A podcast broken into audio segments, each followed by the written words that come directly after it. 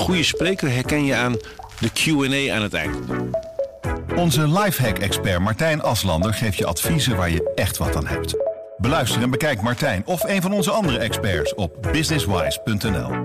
Businesswise, het nieuwe platform voor iedereen met ambitie. Dit is de AD Nieuws Update met Jamie Trainte. 18 Belgische studenten horen vandaag wie er voor de rechtbank moet verschijnen voor de dood van Sanda Dia. De 20-jarige student overleed in 2018 na een ontgroening bij een studentenvereniging in Leuven. Verslaggever Bob van Nuet. Ja, de zaak Sanda Dia die houdt België eigenlijk al jaren bezig. Wat kan je ons even terugnemen naar 2018? Wat is er precies gebeurd? Ja, al, al drie jaar houdt dit uh, het land bezig. Uh, uit de hand gelopen ontgroening, kun je zeggen. Uh, met gruwelijke details, die zal, ik je, die zal ik je besparen. Maar waar hebben we het over? Dan kijk naar de aanklacht en daar staat dan in mishandeling... Uh, onopzettelijk doding, opzettelijk toedienen van schadelijke stoffen, onterende behandeling en schuldig verzuim om hulp in te roepen. Dat was het moment dat het dus allemaal al uit de hand is gelopen. Waar moet je, ja, dan heb je het over uh, gedwongen alcohol drinken, een liter gin hebben ze, heeft hij moeten drinken, vele liters bier. Daarna moest hij een mengsel drinken van visolie en dieren, levende dieren die ze eerst hebben gekocht. Dan moet je denken aan muizen, goudvissen en een aal. Um, en het ergste, het, wat, wat hem fataal werd, was die, dat hij in een zelfgegraven put moest staan waar ze ijswater in hebben gegoten. Daar heeft hij vijf uur in gestaan. Onderkoeling, Tja. orgaanuitval. Nou, het is een verschrikkelijk verhaal. Echt een hele helse nacht heeft hij moeten doorstaan. Ja. En nu zijn we 2,5 jaar verder. En is er nog steeds niet iets bekend eigenlijk over wie hier nou verantwoordelijk voor is? Nee, daar gaat die zaak dus, dus ja. nu over. Het was een hele groep. En bij een hele groep is het moeilijk te zeggen wie deed wat. Hè. Bekend is dat één van die jongens, eentje dan tenminste nog op enig moment schijnt te hebben gezegd... misschien moeten we de hulp inroepen van, van de ambulance. Nou, daar is geen, geen gehoor aangegeven. Uh, er zouden twee jongens zijn die de boel echt flink hebben, hebben, hebben opgestookt. Maar ja, wie welke rol had... Dat heel moeilijk te bewijzen. Heel moeilijk te bewijzen. En dat is ook waar, waar de advocaten natuurlijk op inzetten. Want als je ja, niet kan bewijzen wie wat deed... dan wordt het ook moeilijk om mensen te veroordelen. Ja, daar gaan we het zo nog wat langer over ja. hebben. Maar wat voor straf hangt deze jongens boven het hoofd, nu na zo'n lange tijd? Ja, het zou tien jaar kunnen zijn. Maar voor allemaal? Of voor, voor, voor, de, voor, voor de schuldigen. Ja. Hè? Die, uh, dus, dus tien jaar, dat is fix. Want je zei het net al, de, de advocaten, daar is nogal veel om te doen ja. in België. Ze hebben namelijk de absolute top van de topadvocaten ingehuurd. Dus de ouders van deze ja. groep jongens. Ja, ja, wat een rol speelt van dit zijn uh, studenten, maar niet zomaar studenten. Het zijn ja. ook de zoontjes van. En het zijn zoontjes van magistraten, van advocaten, van uh, zeer uh, goed, goed hoe moet je zeggen... ja, van goede komaf. Ja, mensen met veel geld, ondernemers met veel geld. En die hebben dus de allerbeste advocaten ingehuurd. En die spelen dat spel zoals hele goede advocaten dat kunnen spelen. Het belang van hun cliënten. En het belang van hun cliënten is dus om te zorgen, ja, wat, wat we hadden het er van tevoren over, vaag, hè? veel stof doen opwaaien, niet duidelijk wie wat heeft gedaan en dan hopen dat, dat je er dan vanaf kunt komen met een gebrek aan bewijzen. Ja, dat je het eigenlijk niet naar één iemand kan wijzen. Exact, ja. exact. Dat een soort is stofstrategie, dat het ja, maar heel lang duurt. Ja, ja, ja. dat ja. is de, de strategie. En dat, ja, dat, uh, dat spel spelen zij perfect. Maar ze kunnen dat perfect spelen omdat het de allerbeste advocaten van het land zijn natuurlijk. Dat, uh... En dan is er ook nog de Universiteit van Leuven. Ja. Die zit natuurlijk ook in een moeilijke situatie. Ja, absoluut. Daar is ook kritiek op. Daar is ook kritiek op. Want die hebben het aanvankelijk denk ik toch wel licht opgenomen. Hè. Dat kwam erop neer dat een, een aantal uh, studenten werd geschorst. Uh, anderen moesten een werkstuk schrijven over ontgroening, hoe, hè, de, de, de, voor- en nadelen, bij wijze van spreken. En uh, anderen hebben taakstraffen gekregen. Maar in de loop der jaren is steeds meer duidelijk geworden, waar we het in het begin over hadden, wat daar allemaal is gebeurd. En toen zijn er op de universiteit ook stemmen opgegaan. Ja, maar dit, dit kan niet. Nee. En toen is er een aantal alsnog definitief van de universiteit uh, gestuurd. Anderen weer niet. Anderen zijn inmiddels weer afgestudeerd. Maar in die universiteit uh, is er een, uh, een, een comité van hoogleraren opgestaan die zeggen: ja, dit kan niet. Dit moet echt veel, veel zwaardere gevolgen hebben. Ja, vandaag dan een spannende dag. Ja. maar het einde is is nog niet in zicht, denk ik, of wel? Nee, omdat uh, de, de advocaten van de, van de nabestaanden al hebben, die al hebben voorbereid op ja, er komen nieuwe trucs. En een van die trucs zal zijn, ze kunnen in hoger beroep. En dat zullen ze doen op de allerlaatste dag dat dat mogelijk is, zodat het weer langer duurt voordat we uh, verder komen in deze zaak. Nu er weer veel meer gevlogen wordt, neemt het aantal ruzies in vliegtuigen ook flink toe. Afgelopen juni was er gemiddeld 2,5 keer per dag een incident waarbij een reiziger zich misdroeg. Luchtvaartinspectie ILT luidt nu de noodklok. Verslaggever Herman Stil van het Parool. Ja, bijna drie keer per dag doet zich nu een incident voor. Hoeveel is dat ten opzichte van begin dit jaar? Uh, begin dit jaar werd er veel minder gevlogen. Dus waren er ook veel minder uh, mensen die zich aan boord uh, misdroegen.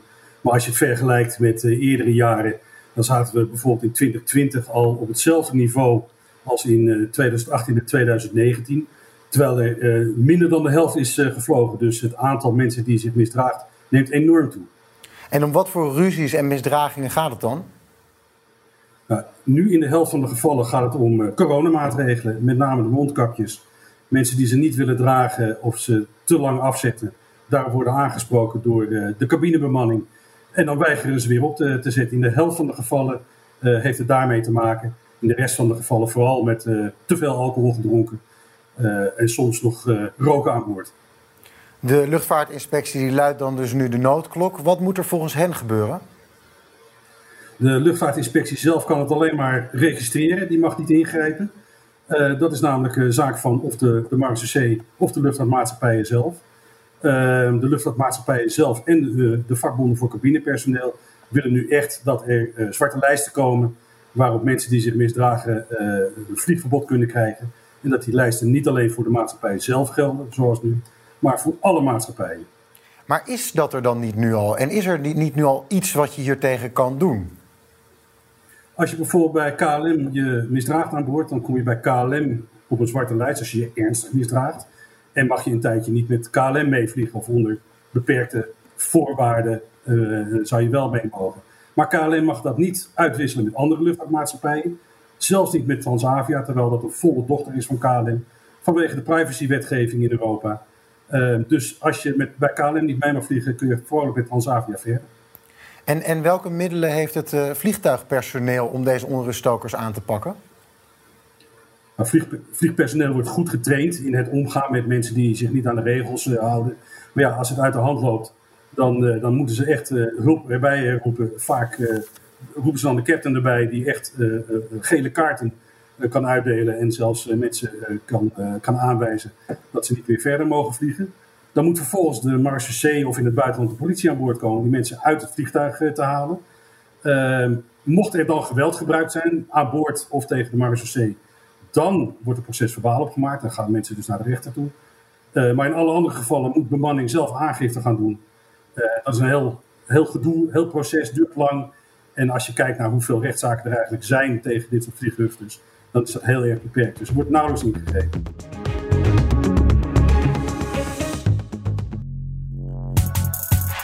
Films als De Luizenmoeder en Jungle Cruise zorgen voor bomvolle bioscoopzalen. Filmredacteur Guido Tino. Hey. Ja, we gaan even een, een rondje maken, zouden we Leuk. kunnen zeggen. Waar heb jij het meest naar uitgekeken? Nou, ik keek het meest uit naar De Luizenmoeder.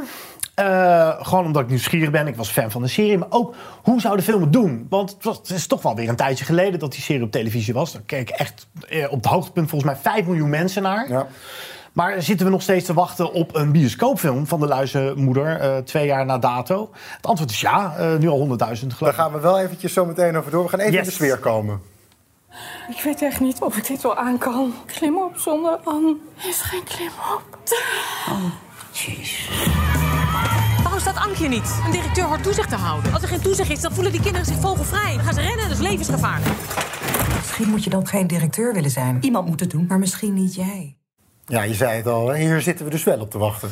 Blijkbaar wel. Of we willen gewoon heel graag weer een leuke Nederlandse film zien. Dat zou ook kunnen. Nou, ze uh, hebben wel die 100.000 bezoekers binnen één week. Terwijl ja. de bioscoopzalen maar half gevuld mogen Hij zijn. is best een, best een prestatie. Want eh, ik, wij hier op het AD denken we ook wel eens... moeten we van elke eh, melding dat er weer honderdduizend bezoekers ergens naartoe zijn gegaan... daar eh, een, eh, een krantenberichtje van maken? Nee. Maar in dit geval precies wat jij zegt. Eh, we zitten in de, in de pandemie. Eh, ja, ik denk dat dit wel een prestatie is. Eh, of het terecht is...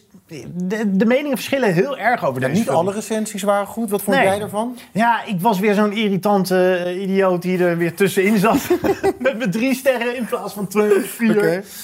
Eh, mijn voorganger zei altijd, eh, je moet zeker bij een Nederlands film, die moet je dan een push geven. Dus dan moet je er een ster bovenop gooien. Nou, ik ben niet van die filosofie. Ik kwam toch echt niet verder dan drie sterren.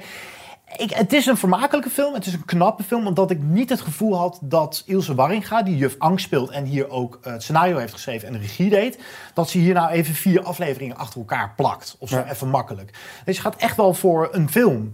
Ehm, en ze kiest ook voor wat moeilijke onderwerpen. Het is niet meer zo lollig als de serie was. Ik vond het een vrij somber uitgevallen film zelfs. Eh, maar ook ontroerend. Of het helemaal werkt, ik weet het niet. Ik denk dat we heel graag naar de luizenmoeder gaan... omdat die, die, die bijtende satirische tandjes eh, in ons nekvel te voelen... Eh, luizenmoeder die ons de spiegel voorhoudt. Ja. De hysterie van ouders die hun kinderen in de gaten houden. Het zit er wel in, maar ik miste wel een beetje dat, dat, dat rauwe randje. Nou, we gaan zien hoe hard het de komende tijd nog gaat scoren. Dan een film die wel heel erg hard wordt volgeblazen, vol lof... met een enorme sterrenkast, Jungle Cruise. Wat vond je daarvan? Ja, ik heb me wel vermaakt. Het is, gewoon, het is Disney eh ten voeten uit in alles. Dus het is veilig, het is voor het hele gezin. Eh, je kan je er geen bel over vallen. Het is ook niet heel spectaculair in de zin van eh, eh, verrassend. Het is eigenlijk precies wat je ervan verwacht. Het is een grote, dikke, domme avonturenfilm van dik twee uur... die heel erg doet denken aan Pirates of the Caribbean. Want daar doelt natuurlijk Disney op. Hè. Die, die azen op een nieuwe Pirates of the Caribbean franchise. Dus het zou me niks verbazen als hier deel 2, 3, 4 en 5 ook weer uitgaan. Met natuurlijk weer de altijd populaire Dwayne The Rock Johnson. Laten we heel even een stukje kijken. There is a legend in the jungles of the Amazon of a tree that heals all. It could change the world. But if it gets into the wrong hands, it could awaken a great evil. I believe that the legend is real. Which it's not. And I'm going to find it. Which you won't. And when I do, just imagine the lives that could be saved. Ja, Ja, weet je wat het is? Ik had nooit het gevoel, geen seconde, dat ik echt in de jungle zat. En dat zegt alles over het huidige blockbuster-landschap. Het komt allemaal uit de computer gerold. Dit is gewoon, het is één groot CGI-moeras waar je als kijker in vast zit. Dat vind ik jammer. Weet je, het is, het is één groot computerspelletje. En daar moet je even aan wennen. Dat is de esthetiek waar alle films tegenwoordig voor gaan. Volgens mij. met een sterrenkast. Met een sterrenkast. En die tilt het wel naar een hoger plan. Eh, Dwayne The Rock Johnson. Ik geloofde geen seconde dat hij in de Eerste Wereldoorlog rondliep... met zijn hagelwitte tanden en zijn anabole lijf. Maar het mag de pret niet drukken. Hij heeft een goede chemie met Emily Blunt. Eh, de, romantische, de romantie die erin zit geloofde ik niet helemaal. Maar het- ze hebben lol en de lol spat er ook wel vanaf. Dit is echt ideaal Disney voor. Ja, dan even bijna tegenovergestelde van Disney voer. Want je wilde het ook graag hebben over Minari. Een Koreaanse familie die de American Dream eh, achtervolgt. Gaan we even kijken. David, look! They're wheels! Wheels? 여기 대체 어디야? 집이지. 우리 새로 시작한다고 그랬잖아. 이게 그거야. 아빠는 빅 가든 하나 만들 거야. How's your daddy like that new farm? He growing things good, doing things right? Yes. Nou, maar liefst zes Oscar-nominaties. Dus Ja. deze film moet iets goed gedaan hebben. Zeker. Ik vind het zo gaaf dat zo'n heel klein filmpje, Koreaans gesproken, het zo ver kan schoppen bij de Oscars. Dan doe je iets bijzonders. Deze film is ook gemaakt door een eh, Koreaanse regisseur die eigenlijk zijn familieverhaal vertelt. En je voelt dat authentieke, voel je echt door de hele film heen. gaat inderdaad over een Koreaanse familie die het geluk beproeft in Arkansas. Hij wil daar een soort van boerderij gaan beginnen. En waar ze allemaal tegenaan lopen zonder dat dit nou een hele drammerige eh, hooray hooray American Dream film is. Het gaat ook niet zozeer over de angst voor het onbekende, maar het zijn hele menselijke dingen als onwennigheid en je droom navolgen en, en, en lukt dat? Ehm, hoe daar verschillend wordt gedacht. Ehm, maar ook de, de cultuurbotsingen. Mhm. Het is een prachtig klein eh, van een film, dit. En de eerste twee, daar weten we van waar ze draaien. Draait deze dan ook in de grote bioscopen? Nou, de grote bioscoop. eh, als je bijvoorbeeld concern als Pathé neemt. Pathé heeft ook wel bioscopen waar die draait hoor. Het is eh, in eh, Rotterdam hier bijvoorbeeld en in Den Haag heb je ook Pathé bioscopen die de wat kleinere arthouse-achtige films draaien. Maar ik vind het woord arthouse ook altijd zo, zo akelig om uit te spreken. Ik wil gewoon mensen enthousiasmeren om deze film te gaan zien. Ik weet gewoon zeker dat iedereen die naar deze film gaat door geraakt zal worden. Weet je, het is geen moeilijke film met een enorme drempel waar je over moet. En dan, tot slot, eh, draait de Oscar-winnaar van beste buitenlandse film ook deze maand in onze bioscopen. Laten we even kijken naar het Deense Another Round. Det er arbejdstiden, vi drikker, ikke? Men det er jo ligesom Hemingway. Vi drikker ikke efter 8, og ikke i weekend. Hey, klaar! What a life. I'm so thrilled right now, cause I'm popping right now. Don't wanna worry about a thing. Det er godt nok lang tid siden, jeg har haft det så godt, som jeg har det nu. Jeg tror bare, der er mere at hente det. Ja, Mats Mikkelsen met een drankprobleem. Wat wil je misschien nog meer? wil je nog meer? Als het regent buiten? Nee, maar serieus, dit, dit lijkt mij persoonlijk een hele mooie film. Deze gaat wel mijn top 10 van het jaar halen, denk ik. Het is een, eh, een, een waanzinnige film over een groep docenten. Die zijn een beetje ingezakt of ingekakt in het leven. En eh, ze besluiten een soort eh, alcohol-experiment eh, uit te voeren. Ze willen niet dronken voor de klas staan, maar wel een tikkie aangeschoten. Gewoon om het net wat leuker, wat, wat losser te maken. En dat loopt natuurlijk uit de hand. Maar het is, het is zo'n zalige eh, feel-good film ook. Zonder dat dat eh, weer heel typisch sentimenteel Amerikaans is. En eh, goede humor. Die Scandinaviërs die hebben ook zo'n eigen gevoel voor humor. Het is echt een verrukkelijk. Zijn we ook inmiddels gewend, want we kijken vrij veel Scandinavische Ja. films en series. Maar dat zijn meestal de, de krimis. Of uh, de crime Ja. is een Duits woord, maar de detective verhalen uit Scandinavië. Maar ze zijn ook heel erg goed in van die diep menselijke verhalen. Het, het mag dan gaan over excessen als alcohol en zo. Maar het is, iedereen herkent wel iets van deze personages, denk ik, in deze film. We kunnen wel zeggen dat als het gewoon dit slechte weer blijft... dan hebben we meer dan genoeg om te zien in de bioscoop. Hè? Zeker, ik zeg 100.000 bezoekers voor die eh, Another Round. Daar moeten we voor gaan. Guido, dankjewel man. Alsjeblieft.